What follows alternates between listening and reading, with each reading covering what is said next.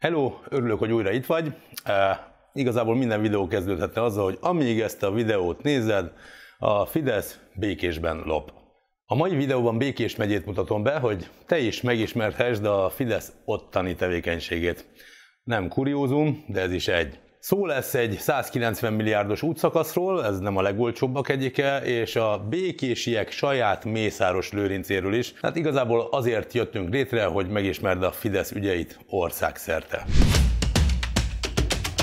Békés megye az ország egyik legelmaradottabb térsége, mind hazai, mind Európai Uniós összehasonlításban. Csekély a versenyképesség, alacsony a jövedelem a régióban, ilyennek számít ez a megye sajnos. Kiürülő zsákfalvak, rossz közlekedés, előlegedő társadalom, alacsonyabb jövedelmi viszonyok, és leginkább az elvándorlás jellemzi az ország ezen részét. Az egyfőre jutó GDP-t nézve a megye hátulról a harmadik helyen található az országos átlag mindegy 55 százalékával. Ez nem túl sok. 2001 és 2018 között közel 60 ezerrel lettek kevesebben a megyében, amihez hozzájárultak az alacsony jövedelmek, az ingatlanok értékének zuhanása, és hát a lakosság előregedése is. Vagy úgy mondanám, hogy ez minden mindennel összefügg. Szóval itt lenne mit csinálni, hogy a környék felemelkedjen, ezt biztosan mondhatjuk. Békés megye első számú választókerületének képviselője Herceg Tamás, róla nem hiszem, hogy sokat hallottál, 2018 óta eh, ül a pacsorokban, eh, viszonylag no name, mondhatjuk ezt nyugodtan. Ha azonban az ő felszólalásait nézzük, akkor nem sok látszik a helyügyekből, ezekről mintha nem is beszélne. Ugyanakkor a, beszélt a parlamentben Demeter Szilárd által gondolt Magyar Kultúráért Alapítvány fontosságáról, amit egyébként biztosan tudod, rendesen kitömtek. Ez a szervezet kapta meg többek között a hajógyári sziget egy részét, az Óbudai Zicsi kastélyt és még milliónyi dolgot. Ezek az ő ügyei. Beszélt a Nemzeti Filmintézet létrehozásának fontosságáról, és arról, hogy hogyan támogatják a nemzetközi és magyar szervezetek az illegális bevándorlást. Abba is ő állt bele, amikor a hajléktalanokat kriminalizálták már alaptörvényi szinten, ezt egyébként így indokolta. Az indítvány mindezen túl érinti a 22. cikket, amelyben rögzítése kerül, hogy tilos az életvitel szerűen közterületen tartózkodás, tehát a közterület védelme, illetve a városi élet megfelelő feltételeinek a megteremtése a törvényalkotó célja. A feltételeket pedig mind a kormány, mind az önkormányzatok számos eszközzel biztosítják. A munkatörvénykönyvének módosításakor Herceg volt az egyetlen eh, Fidesz tag, aki nem fogadta el a javaslatot, hanem a tartózkodást választotta. Már azt is hihetnénk, hogy egy bátor ember, ilyen emberekre lenne szükség a Fideszben. De nem, nem kell megijedned, olyanokat nem tűr maga körül Orbán. Gyáva a megalkuvókra van szüksége, és ilyenek is veszik körül. Herceg is elmondja, hogy szándéka szerint el akarta fogadni a jogszabályt, de az ilyen tévedés azért előfordul. Ezek az ő szavai. Herceg Tamás választókerületének eh, legnagyobb városa Békés Csaba, itt él a szavazók többsége. Itt 2014-ben úgy lett a magát függetlennek nevező Szarvas Péter a város polgármestere, hogy a Fidesz két szárnya eh, összeütközött, összekülönbözött egymással, ám a leköszönő Fideszes polgármester és országgyűlési képviselő, Vantara Gyula, végig őt támogatta, őt segítette, tehát őt tudhatta maga mögött. 2019-ben Szarvas Péter hivatalosan ugyan civil volt, civilek kérték fel az újrázásra, azonban a hozzá igen közel álló Hajrá Békés Csaba Egyesület állt mögötte. Ezt az egyesületet 2016-ban alapították, akkor még Hajrá Csabaiak Egyesület néven. 2019-ben az Egyesület egyik alapítója, Nagy László előzetes letartóztatásba került. Igazából Fideszes mércével semmi különös nem történt, két milliárd forintnyi közpénzt síboltak el, ennyi kárt okoztak a költségvetésnek. Igazából gyönyörű történet.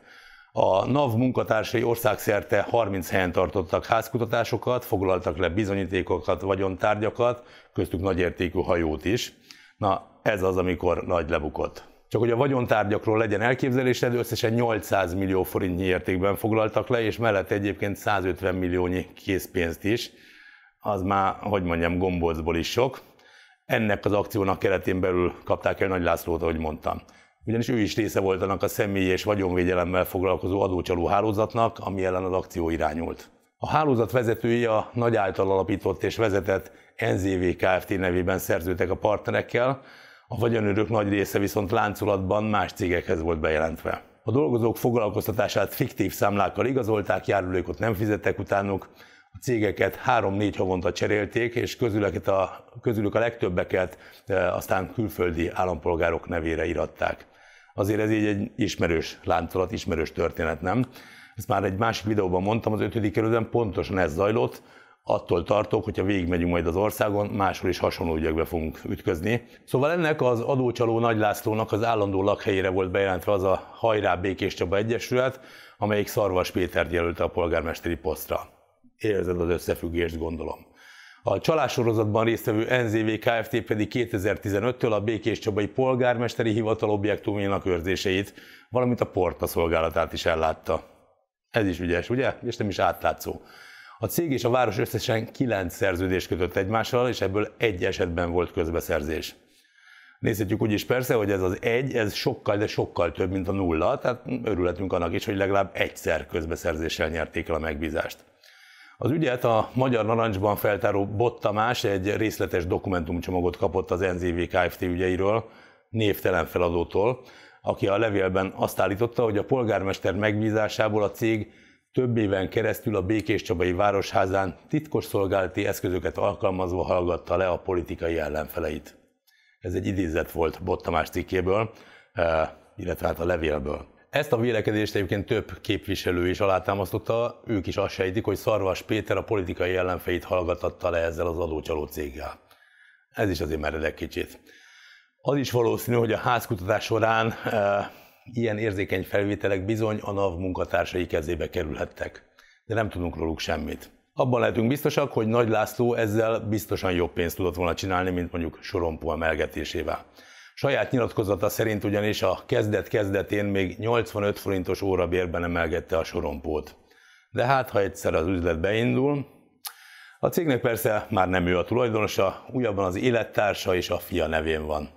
A lényeg, az üzlet a családban marad. Nagy egyébként, mármint Nagy László nem hagyta annyiban, hogy a Magyar Narancs feltárta a sötét ügyeit, bár közel egy évet töltött előzetesben, és azóta is házi őrizetben van, feljelentést tett az újság ellen. Azt kifogásolta, hogy a nevének és a cégének említése sérti a személyiségi jogait.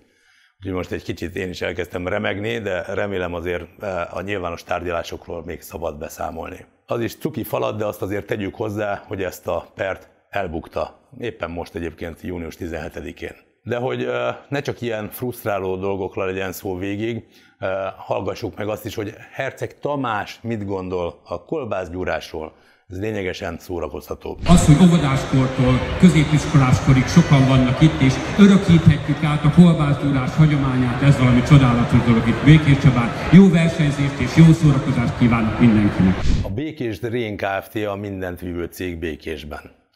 Ennek a cégnek Barkát Sándor, a tulajdonosa, akit a helyiek csak Békési Mészáros Lőrincnek neveznek, nem oktalanul. Hallgassuk meg talán az ő gondolatait is arról, hogy hogy fog felemelkedni a nemzetünk. Nagyon nagy káosz van, nagyon jó lehetőségeink vannak nekünk magyaroknak, mind a, az emberi, emberi dolgokba, ahogy szocializálódtunk, amilyen környezetünk van. Lehet, hogy pont azért ragadt rá ez a gúnynév, mert miután 2012-ben bevásárolta magát a Békés Csaba FC-be, a városnak 800 millió forint közpénzt irányoztak elő stadionfejlesztés címén. De az átlátszó 2015-ös cikkében még ennél is sokkal súlyosabb számok vannak, amik megmutatják, hogy miért is ragadhatott rá Barkászra a Mészáros név. 2010-től a 15-ös cikk megjelenéséig egyedül közel 10 milliárd forint, másokkal együtt további 60 milliárd forint értékben nyertek el tendereket. Azért az erős még ott helyben is.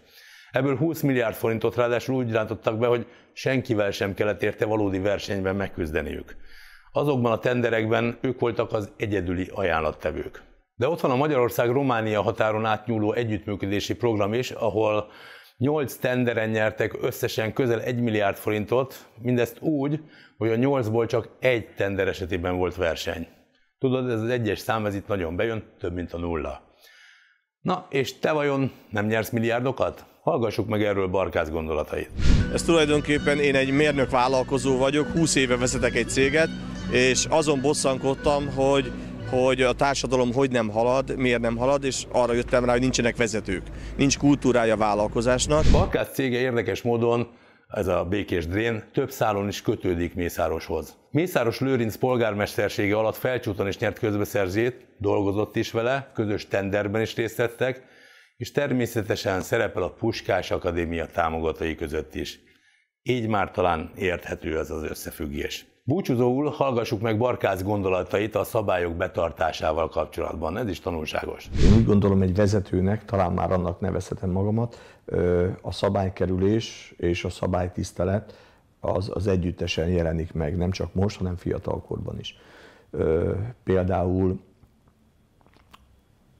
az értelmetlen dolgoknak a szabályait követni, az, az bűncselekmény. A földek elosztása sem sikerült túl igazságosan megyében. Anyján József, a második Orbán kormány vidékfejlesztési tárcájának államtitkára 2019-ben nyilvánosságra hozta Békés megyéről készült jelentését, a földjelentést. Ez szerint a földárverések során a megyében kiírt földekből összesen 7500 hektárt 29 érdekeltség szerzett meg.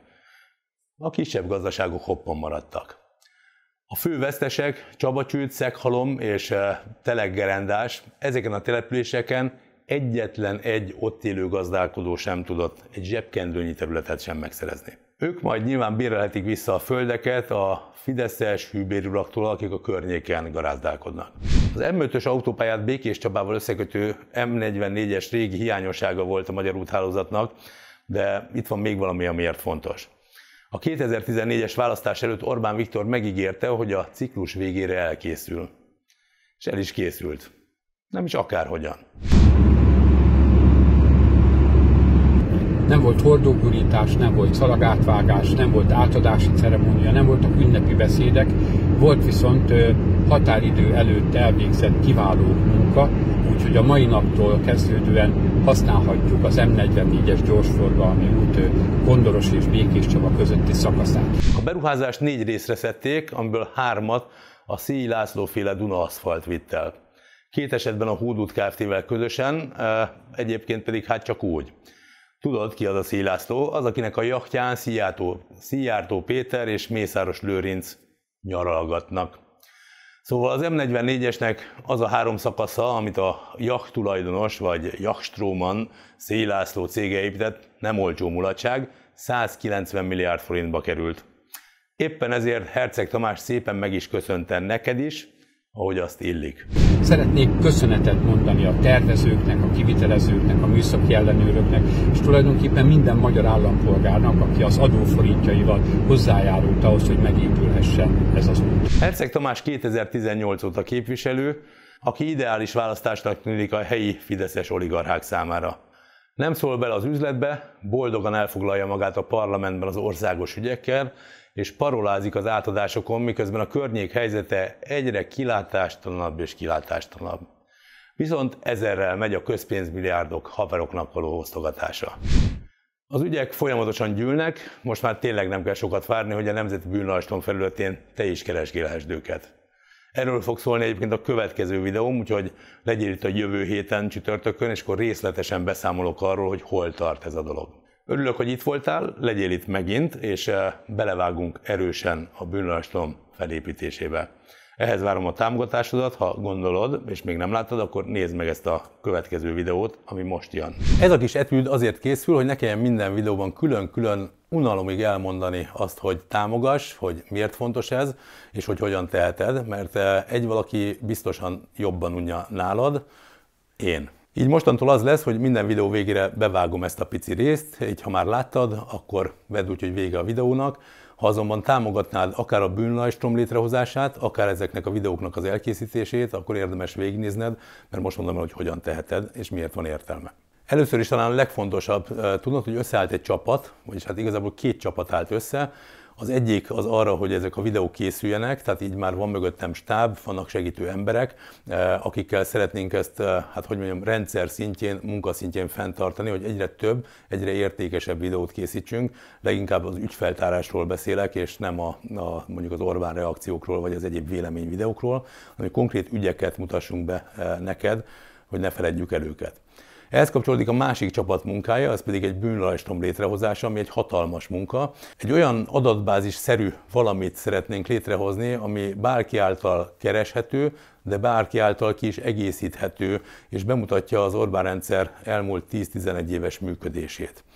Terveink szerint névre, cégre, településre, kormányzati vagy bármilyen intézkedésre, eh, egy-egy személyre rá lehet majd keresni, és bemutatjuk, hogy milyen ügyekben volt ő érintett az elmúlt 10-11 évben, hogyan húzott le tőled is pénzt, vagy éppen milyen bűnöket követett el. Ahogy mondtam, erre is kezd kialakulni egy csapat, itt hihetetlen mennyiségű munkára van szükség, hogyha van kedved, te is jelentkezz ide. Ezt megteheted úgy is, hogy a Juhival együtt csoporthoz csatlakozol, de még jobb, hogyha írsz egy e-mailt a juhikukac.juhászpéter.eu e-mail címre, és jelzed ezt a szándékodat, hogy szeretnél csatlakozni hozzánk. Nem ígérem, hogy én fogok reagálni a leveledre, mert ahogy mondtam, itt is alakul ki egy közösség, akik napi szinten ezzel a projekttel foglalkoznak és pláne így lesz ez a jövőben, és pláne így lesz, hogyha segítesz ebben te is, ha nem megy munkával, akkor pénzzel. Azért, hogy minden zöggenőmentesen menjen, elkezdtünk létrehozni egy non-profit vállalkozást, ebbe én magam is beletettem egy millió forintot a saját pénzemből, de rengetegen támogattátok már így is a létrehozását, ezt innen is köszönöm, meg fogjuk csinálni. Ahhoz viszont, hogy jól üzemeljen ez, és elérjük a célt, tehát hogy egy teljes bűnlajstromot hozzunk létre, ahhoz bizony még szükséges támogatás, és akkor itt most elmondom, milyen módokon teheted ezt meg. Ma még ajándékba adok mindenkinek pólót, aki 6000 forint felett eh, támogatja ezt a munkát. Később azonban ez egy webshop lesz, amikor eh, a cég feláll, és létrehozunk sok-sok pólóból olyan ajándéktárgyakat, vagy olyan termékeket, amiknek a megvásárlásával segíted ezt a tevékenységet. Így te is jelezheted a külvilág felé, hogy elkötelezett támogatója vagy az ügynek, és mi is fent tudjuk tartani ezt a tevékenységet.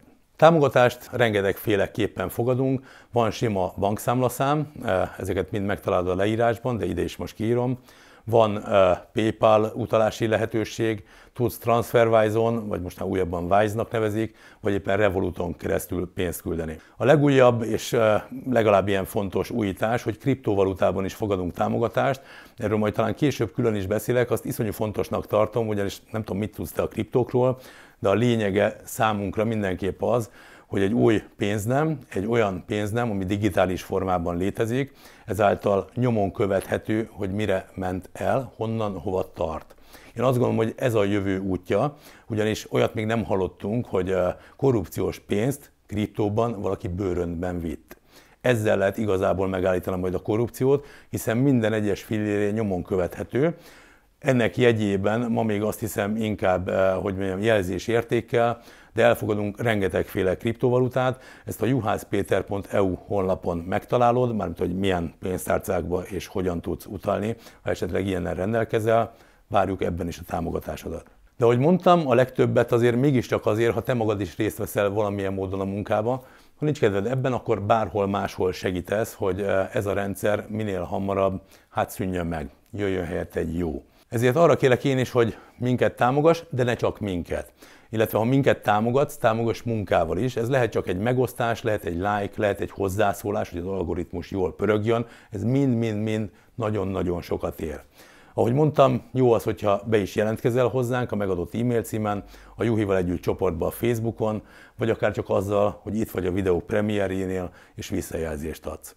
Ez volt az, amit így el szerettem volna mondani, remélem nem olyan dögunalmas, mert mostantól ezt mindig átugorhatod, viszont talán hasznos, hogyha valamilyen módon te is be szeretnél vonódni a munkába.